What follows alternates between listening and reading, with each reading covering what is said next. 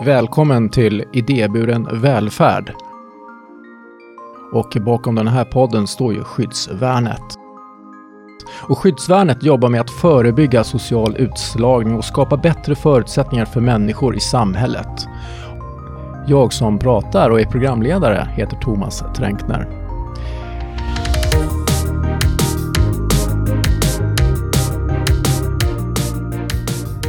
Idag ska vi ge oss in i någonting som är faktiskt lite luddigt på ett sätt, men väldigt viktigt på ett annat sätt. Det kommer handla om idéburet offentligt partnerskap. Och jag har två gäster med mig som vet mycket mer om det här, som jobbar med det här i vardagen. De heter Elin Björkman, välkommen! Tack så mycket! Och Annika Rosbring. Tack så mycket att du vill komma hit. Eh, Elin, om vi börjar med dig. Berätta, eh, vad gör du och varför sitter du här och, och vi ska prata om idéburet eh, offentligt partnerskap? Ja, jag är eh, konsult. Jag har ett litet företag som jobbar med eh, organisationsfrågor och eh, verksamhetsutveckling och riktar mig till idéburen sektor. Eh, och eh, jag har då bland annat haft lite uppdrag att stötta organisationer och titta på det här idéburet offentligt partnerskap, IOP, om det skulle vara en möjlighet för deras verksamhet. Där befinner jag mig. Ja, vi kommer tillbaka till mer om dig och om det här ämnet. Men Annika, vad gör du till vardags? jag kommer ju från den offentliga sidan. Ja. Jag jobbar på Stockholms stad och har jobbat länge med de här frågorna och just samverkan med civilsamhället. Där ju IOP har varit en viktig fråga för oss senaste sju, åtta åren. Mm.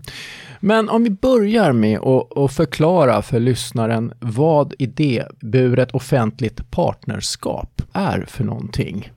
Ja, det är som det, en del av det då, partnerskap, alltså det är en typ av samverkan mellan en idéburen eller flera idéburna aktörer och en eller flera offentliga aktörer. Och då så har man ett samarbete kring en verksamhet som inte är en upphandlad verksamhet, så att man har ett avtal, man har, ett, eh, man har skrivit under ett kontrakt gemensamt, men man tar gemensamt ansvar för verksamheten. Både den offentliga parten och den idéburna parten bidrar med resurser i verksamheten. Och det kan vara pengar, men det kan också vara tid till exempel, eller kontaktnät eller olika typer av resurser. Och så har man ett gemensamt ansvar för att utveckla verksamheten och bestämmer gemensamt hur den ska följas upp. Ja, det låter ju bra, men eh, har vi inte lagen om offentlig upphandling som kan fungera på det här, inom det här området? Alltså frågan är egentligen varför finns det här? Eh, alltså upphandling fungerar väldigt bra i väldigt många sammanhang. Men i vissa sammanhang så, så täcker inte upphandlingsmöjligheterna det som man kan eh, göra när man samverkar med, eh, genom ett IOP. Dels så är det inte tidsbegränsat på samma sätt, utan man kan ha en tills vidare kontrakt som man visserligen förnyar varje år, men där det finns andra möjligheter att gemensamt utveckla verksamheten. När man har ett, upp, alltså ett upphandlat kontrakt, då så är det ju en part som bestämmer villkoren och det finns liksom också en, en, alltså man kan, om man inte uppfyller villkoren i avtalen, då kan det bli fråga om skadestånd eller ja, att den ena parten kan kräva någonting av den andra. I ett IOP så har man gemensamt ansvar, så att man behöver, båda parterna behöver hjälpa till och se till att det fungerar och blir en bra verksamhet. Mm. Det brukar vi också vara just det att man identifierar en samhällsutmaning där man ser att det offentliga och civilsamhället kompletterar varandra.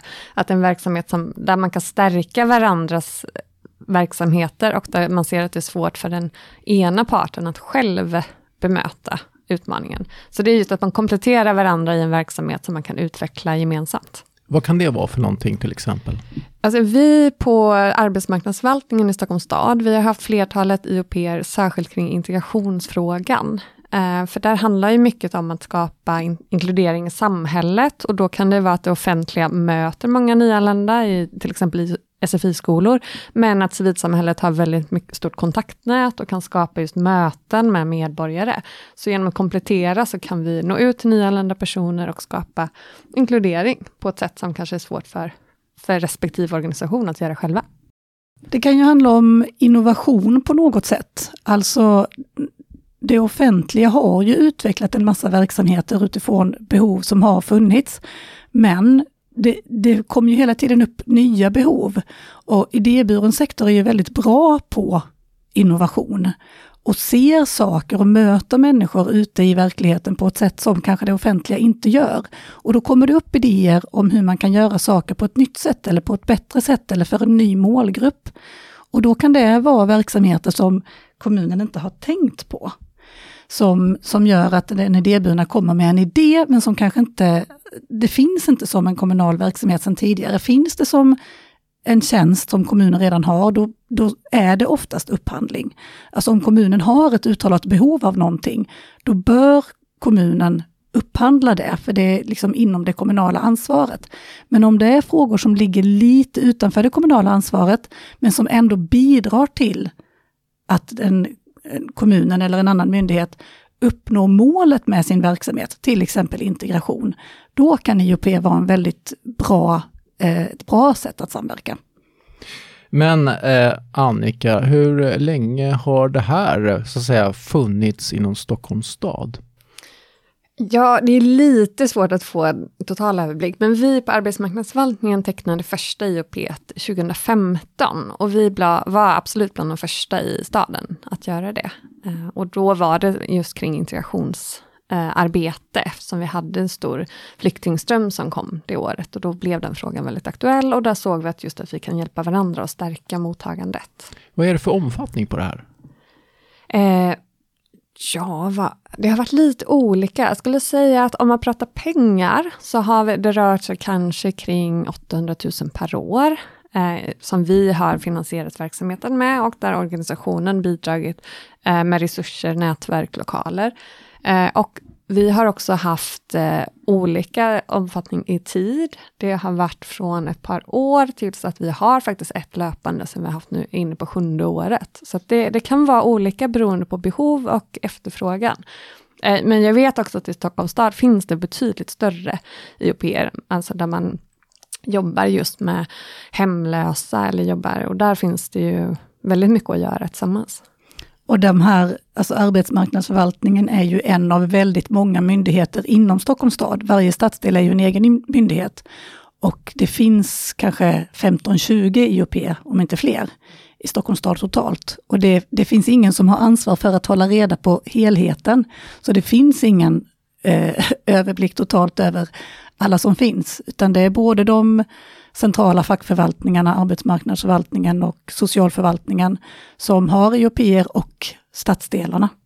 Och är det bra eller dåligt att det är ingen som ansvarar för helheten? Finns det uppsidor och baksidor utav det menar jag? Jag ska säga att det, det, är ju som du sa från början, ett lite luddigt område. IOP har ju vuxit fram ganska mycket organiskt. Det kommer ju från Forum, så det är ju ett initiativ från civilsamhället. Eh, och det har inte funnits tydlig lagstiftning kring vad gäller. Eh, det där börjar ju tydliggöras allt mer och det kommer olika typer av direktiv. Men så det har ju varit som en organisk utveckling. Men jag tror i Stockholms stad har vi också sett nu att vi har behov av att tydliggöra för att vi ska också ha en enhetlighet. Så att man också som från civilsamhällets sida ska veta ungefär vad man kan förvänta sig och vilka möjligheter som finns. Eh, så vi håller nu på att uppdatera statsövergripande riktlinjer för hur vi jobbar med IOP. För att just skapa en lite mer likvärdighet. Alltså juridiken kring IOP har ju varit luddig på det sättet att den har, det, det finns liksom inte skrivet exakt vad det är, utan man ska liksom, det är en balans och man ska hålla sig mellan två gränser. Det ska inte vara upphandling, alltså om upphandlingslagstiftningen gäller, om kommunen vill göra en beställning på att få en viss verksamhet utförd, då ska det vara beställning. Om, och det ska inte vara eh, bidrag. Så det är liksom gränslandet mellan bidrag och upphandling. Där kan IOP vara. Men det är, liksom, det är en väldigt konstig definition när man bara sagt vad det inte är. Så att, och då har det gjorts lite olika tolkningar och det är ju problematiskt. Att den idéburna aktören som vänder sig till en myndighet eller till olika myndigheter får olika svar beroende på vem man frågar. Och i, i vissa myndigheter som vi kan säga då i, på, i arbetsmarknadsförvaltningen i Stockholms stad. Nu sitter Annika där som är otroligt kunnig, så där kan man, den som vänder sig dit kan ju få ganska många svar och en, liksom, en, en utvecklad beskrivning av vad är det här för någonting. Men i, på andra delar, i andra myndigheter, så är det inte säkert att det finns någon person som, som är uppdaterad exakt vad som gäller. Och då kanske man inte får ett riktigt bra svar. Och, men vi kan säga också att det finns en part som har väldigt bra information och det är Upphandlingsmyndigheten. Så eh, Upphandlingsmyndigheten har en eh, sida man kan söka där det står då samverkan med civilsamhället, tror jag den heter. Eh, och där finns det då beskrivet det här, eh, alltså att upphandling är en möjlighet och IOP är en möjlighet och det står lite grann om vad man ska, alltså när IOP är möjligt. Det man ska tänka på för att få till ett IOP, det är att det får inte finnas en marknad. Alltså om det finns flera olika parter som skulle kunna utföra ett uppdrag för en myndighet, då är det inte lämpligt att ha ett IOP, för då riskerar man ju att gynna en part på bekostnad av en annan. Och det är ju väldigt viktigt att man tänker på likvärdigheten, så IOP är ett jättebra alternativ om det inte är så att det skapar en orättvisa. Och då är det, alltså nu är vi, pratar vi en del om Stockholms stad, vi befinner oss i Stockholms stad och Annika som jobbar i staden är här. Men i andra kommuner så finns det egentligen större möjligheter. För i Stockholms stad finns det så många aktörer och det finns så många föreningar och parter, så det uppstår väldigt lätt det som kallas då en marknad, nämligen att flera olika aktörer skulle kunna utföra en, en verksamhet. Och då blir det LOU? Då behöver kommunen upphandla, ja. eller det, det anting, nej man måste inte upphandla, men man skulle kunna tänka sig att man gör ett IOP där man bjuder in många. Om vi säger att det är fyra föreningar som erbjuder sig att, som säger vi, vi är intresserade av att stärka integrationsarbetet i den här kommunen.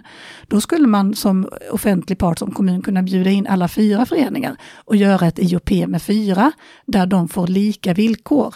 Men man kan inte bara peka på en av dem och säga vi ska samarbeta med er utan att de andra får del av samverkan. Då är det inte rättvist. Då är det bättre att man gör en upphandling där man preciserar supertydligt vad vill vi uppnå med den här verksamheten och beskriver de kriterierna som ska gälla för att man ska välja en av de här, men då blir det transparent varför man väljer att samarbeta med den ena eller den andra. Men i och med att det inte finns den typen av kriterier, att med valkriterier när det gäller IOP, så, så kan man liksom inte välja en och välja bort en annan på ett transparent sätt. Då måste alla vara med. Eller om det bara finns en aktör så, så är det den aktören då. Hade du fler punkter på den här listan? Vi började prata om att det inte får finnas en marknad. Det får inte att... finnas en marknad eh, och det ska ju också finnas en ömsesidighet i det här eh, i, i samverkan. Vad menar du med ömsesidighet? Att, att man, man, det ska finnas gemensamma mål Alltså både den eh, idéburna parten och eh, myndigheten ska gemensamt formulera mål för verksamheten.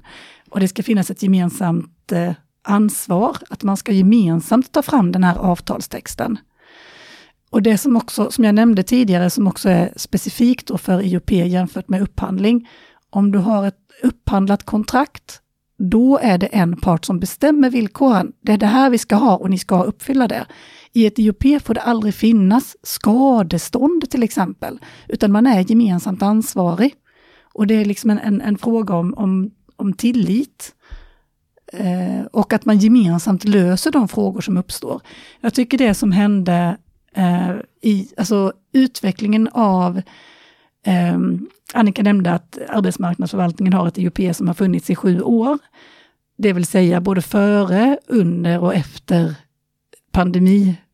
Eh, och det var ett ganska bra exempel på vad händer när omständigheterna förändras radikalt.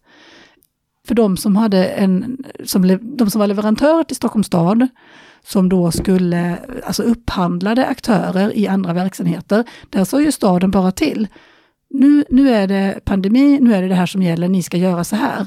Men när det gällde IOP-erna, då fick vi ju, eh, ja, Stockholms stad, jag var där, jag, under den perioden jobbade jag också där, så då var det, då var vi liksom delaktiga i det. Då fick vi sätta oss ner tillsammans med eh, den idéburna aktören. Okej, nu är det här förutsättningarna. Ni kan inte längre gå ut och träffa människor och genomföra verksamheten så som det var tänkt. Hur ska vi göra nu? Det blev en gemensam diskussion. Eh, som ju, där, där den idéburna parten hade massor med idéer och tankar och utvecklade verksamheten på ett fantastiskt sätt. Som ju kanske inte staden själv hade klarat av ens en gång. Annika, jag vill komma tillbaka till vad du gör på Stockholms stad. Du berättade att ni började med det här 2015 och att den här verksamheten, den har ju funnits snart tio år. Och eh, hur har det varit? Eh, jag tänker på att jag vet att regeringen gjorde någon slags utredning här för några år sedan för att förenkla det här. När ni började, var det svårt att få det här till stånd? Alltså, det var helt ny mark. Eh, och det som jag tycker var väldigt spännande, det var att det var inte bara nytt för oss, utan det var också nytt för de idéburna aktörerna. Och vi insåg ganska tidigt att vi pratar fortfarande i gamla termer. Vi pratar projekt, vi pratar medel, vi pratar bidrag. Och så, men det här är IOP, det här är ju någonting annat. Eh, så vår lärdom där var att vi verkligen satt ner tillsammans med organisationen och stötte och blötte för att komma till insikt i så här, hur är det här och hur ska vi kunna jobba tillsammans. Och där tog vi oss tiden och då jobbade jag inom integrationsområdet, så det var det vad det handlade om. Så jag var också väldigt involverad i det. Det tror jag också var en styrka i att vi, vi möttes utifrån liksom en gemensam förståelse. Eh, och utifrån det så tog vi lärdomar i vårt fortsatta arbete. Eh, så det har vi lärt oss och det är så vi jobbar och det är så också vi rekommenderar att man, man gör. Det är vår syn på det, att man måste verkligen sitta ner gemensamt och prata och ha en ömsesidig förståelse för att just nå den här delaktigheten. Eh, för jag tror också en aspekt med IOP som man kanske inte heller tänker på för att det är gemensamt, det är också att respektive part faktiskt ger upp lite av sin egen makt. Att man som till exempel civilsamhällesorganisation, att om man får ett föreningsbidrag, då ska man bedriva sin förening som man gör. För det är att stärka just eh, mångfald i samhället och då ska inte den offentliga lägga sig i, utan you go. Men i ett IOP, då är det kring en gemensam verksamhet där båda parter har någonting att säga till om. Det vill säga en part kan inte säga, vi gör alltid så här, så nu gör vi det. Eh, och det tänker jag, det är också en viktig aspekt att ha med sig, att man måste ju faktiskt vara ganska ödmjuk från båda parter, just som Elin sa, där, skapa tillit. Eh, så för vår del så har det har varit en viktig aspekt och just att vi verkligen tänker efter och vill ha en långsiktighet när vi jobbar med IOP, för vi tycker det är ett jättebra verktyg. Du har pratat om integration, men till exempel brottsoffer, stöd till föreningar för integration. Finns det exempel på saker som kan vara på väg in men inte är det idag? Alltså grundprincipen är ju om det finns verksamheter som har ett värde för samhället, men som ännu inte kanske är reglerade så att det redan finns som ett kommunalt ansvar. Där är IOP en möjlighet.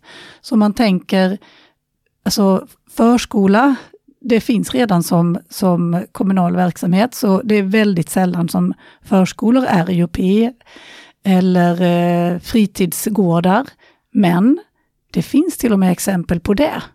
Det finns kommuner som har fritidsgårdar som är eh, alltså verksamhet i samverkan med en idé mellan kommunen och en idéburen part. Och då är det väldigt små kommuner där det inte finns en marknad. För det är ju också sånt som upphandlas liksom av leverantörer.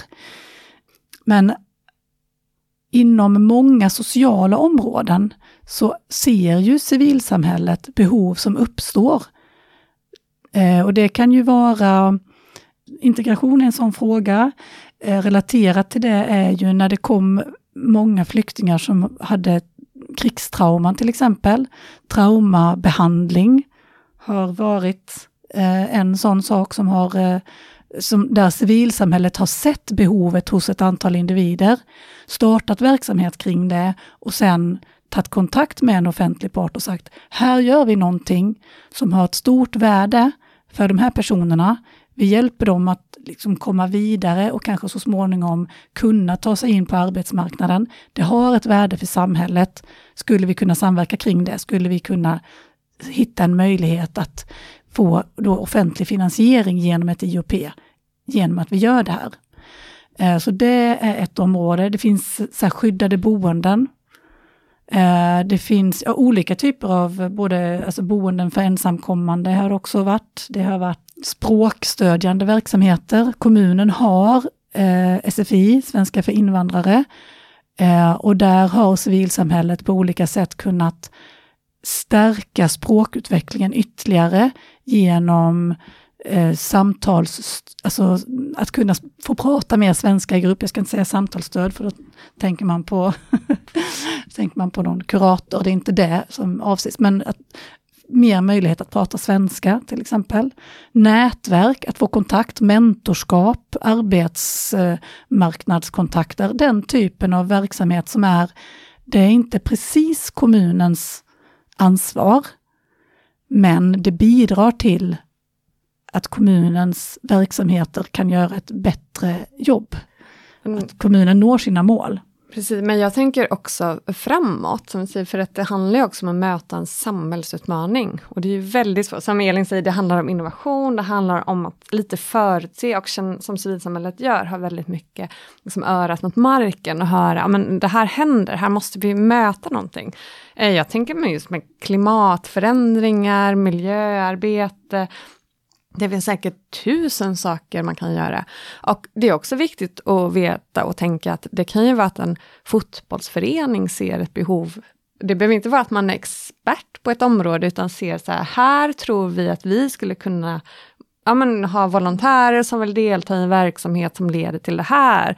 Eh, så att man kan nog tänka ganska kreativt. Men, men en sak, om vi får göra ett litet medskick i allt det här, det är att dels att lite skanna av omvärlden och läget. För ibland kommer det många organisationer och säger vi har den här häftiga idén. Och då tänker man, ja jättekul, eh, det görs ju redan på sju ställen. och då kan ju inte vi ingå ett IOP, apropå marknad och att det kanske är en egen verksamhet vi har. Eh, så skanna av läget lite, vad händer, vad gör andra? Och kunna navigera lite, vem är det jag bör prata med i det offentliga? Eh, för då kanske man måste ta reda lite på, vänta, ligger det här under socialförvaltningens ansvar? Är det här miljöförvaltningen? Så att man lite försöker navigera i, vem är det man ska ta kontakt med? Eh, för då är det också lättare att få ett tydligt svar, att är det här någonting vi, vi, vi ser behov av, är det här intressant att ta vidare? Eh, ringer man fel person så kan det lätt bli så att man inte förstår eh, frågan helt enkelt. Ja, men det tycker jag är ett jättebra medskick. Alltså den eh, om man är en aktör inom civilsamhället och har en idé och man tänker det här som vi gör eller det här som vi har planer på att göra har ett värde för samhället. Det skulle kanske kunna bli ett IOP. Då så är det en jättebra idé att tänka igenom verksamheten, alltså tänka igenom sin idé ordentligt. På vilket sätt bidrar det här till att lösa en samhällsutmaning? Eh, på vilket sätt skulle vi kunna samverka? Vem, vilken part i samhället, vilken myndighet eller offentlig aktör är det som har ansvar som är närliggande den här frågan? Hur kan, jag, hur kan vår verksamhet komplettera någonting som finns inom det offentliga? Och, och söka upp just den myndigheten, den offentliga parten, för att där ta en kontakt och beskriva det vi gör kan stärka er på det här sättet. Jag vill vända på steken också och ta perspektivet eh, där Annika befinner sig. Och det finns ju många kommuner, 290 kommuner, och det är kanske inte alla som har en Annika. Det kan ju också vara så att du som hör det här jobbar på en kommun eller en offentlig myndighet eh, och kanske inte har jobbat så mycket med IUP men inser att det här kanske är en sak som faktiskt kan utveckla verksamheten. För visst är det så Annika, det är inte bara de som tar emot och de som får ta del av bidrag som utvecklas utan det händer ju saker på kommunen hos er också. Det är ju dit jag vill komma. Absolut!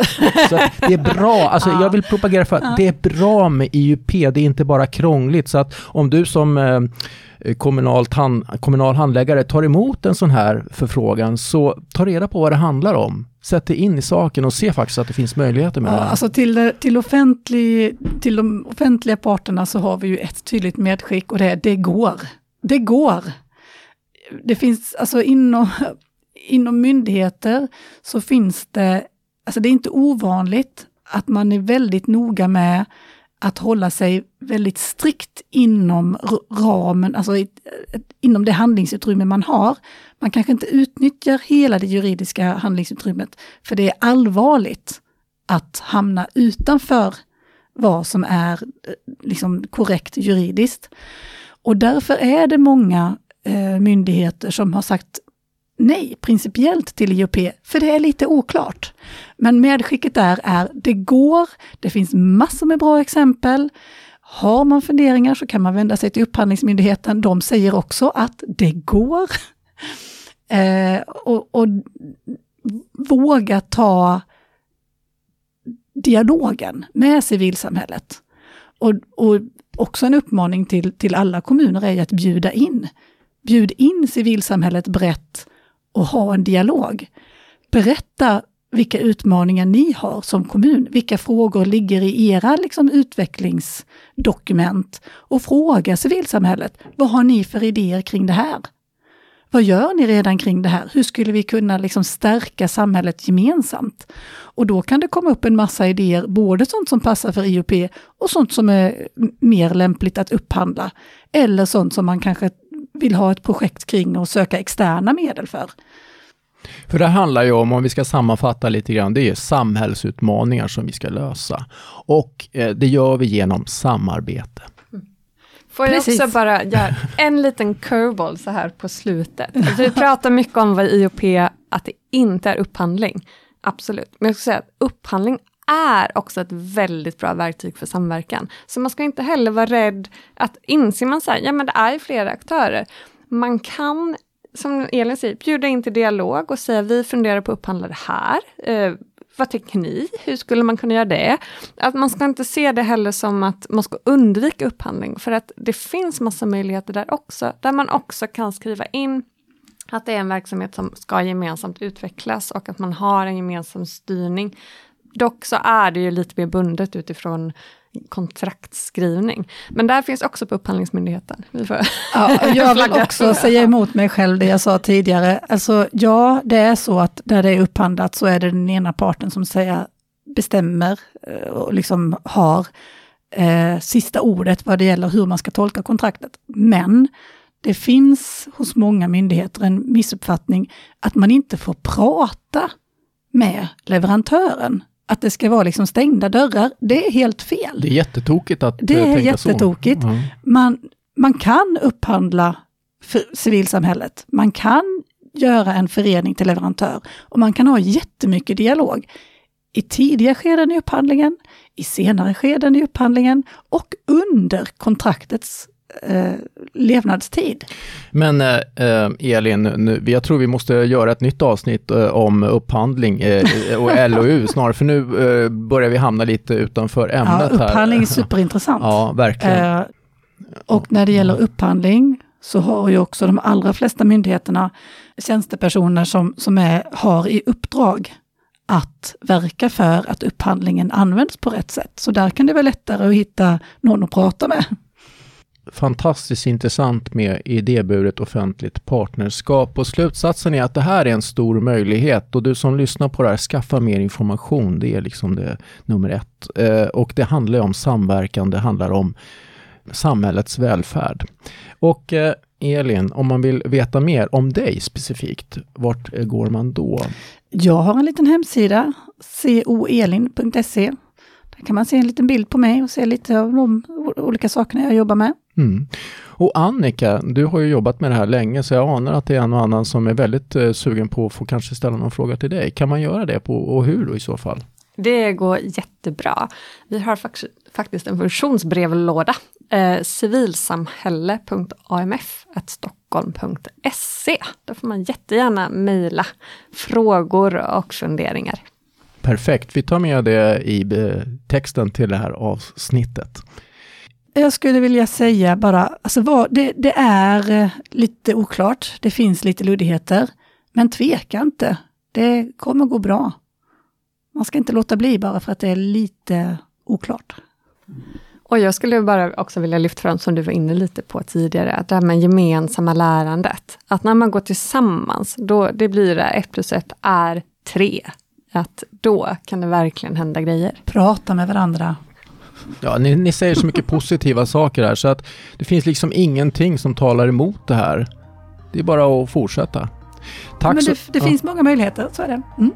Tack så mycket för att ni tog er tid att vara med i podden Idéburen välfärd. Tack för att vi fick komma. Ja, jättekul, tack. Och tack till dig som lyssnar. Om du hör på oss på iTunes så prenumerera på den här podden eller på Spotify så trycker du på följknappen. Vi hörs snart igen. Hej då!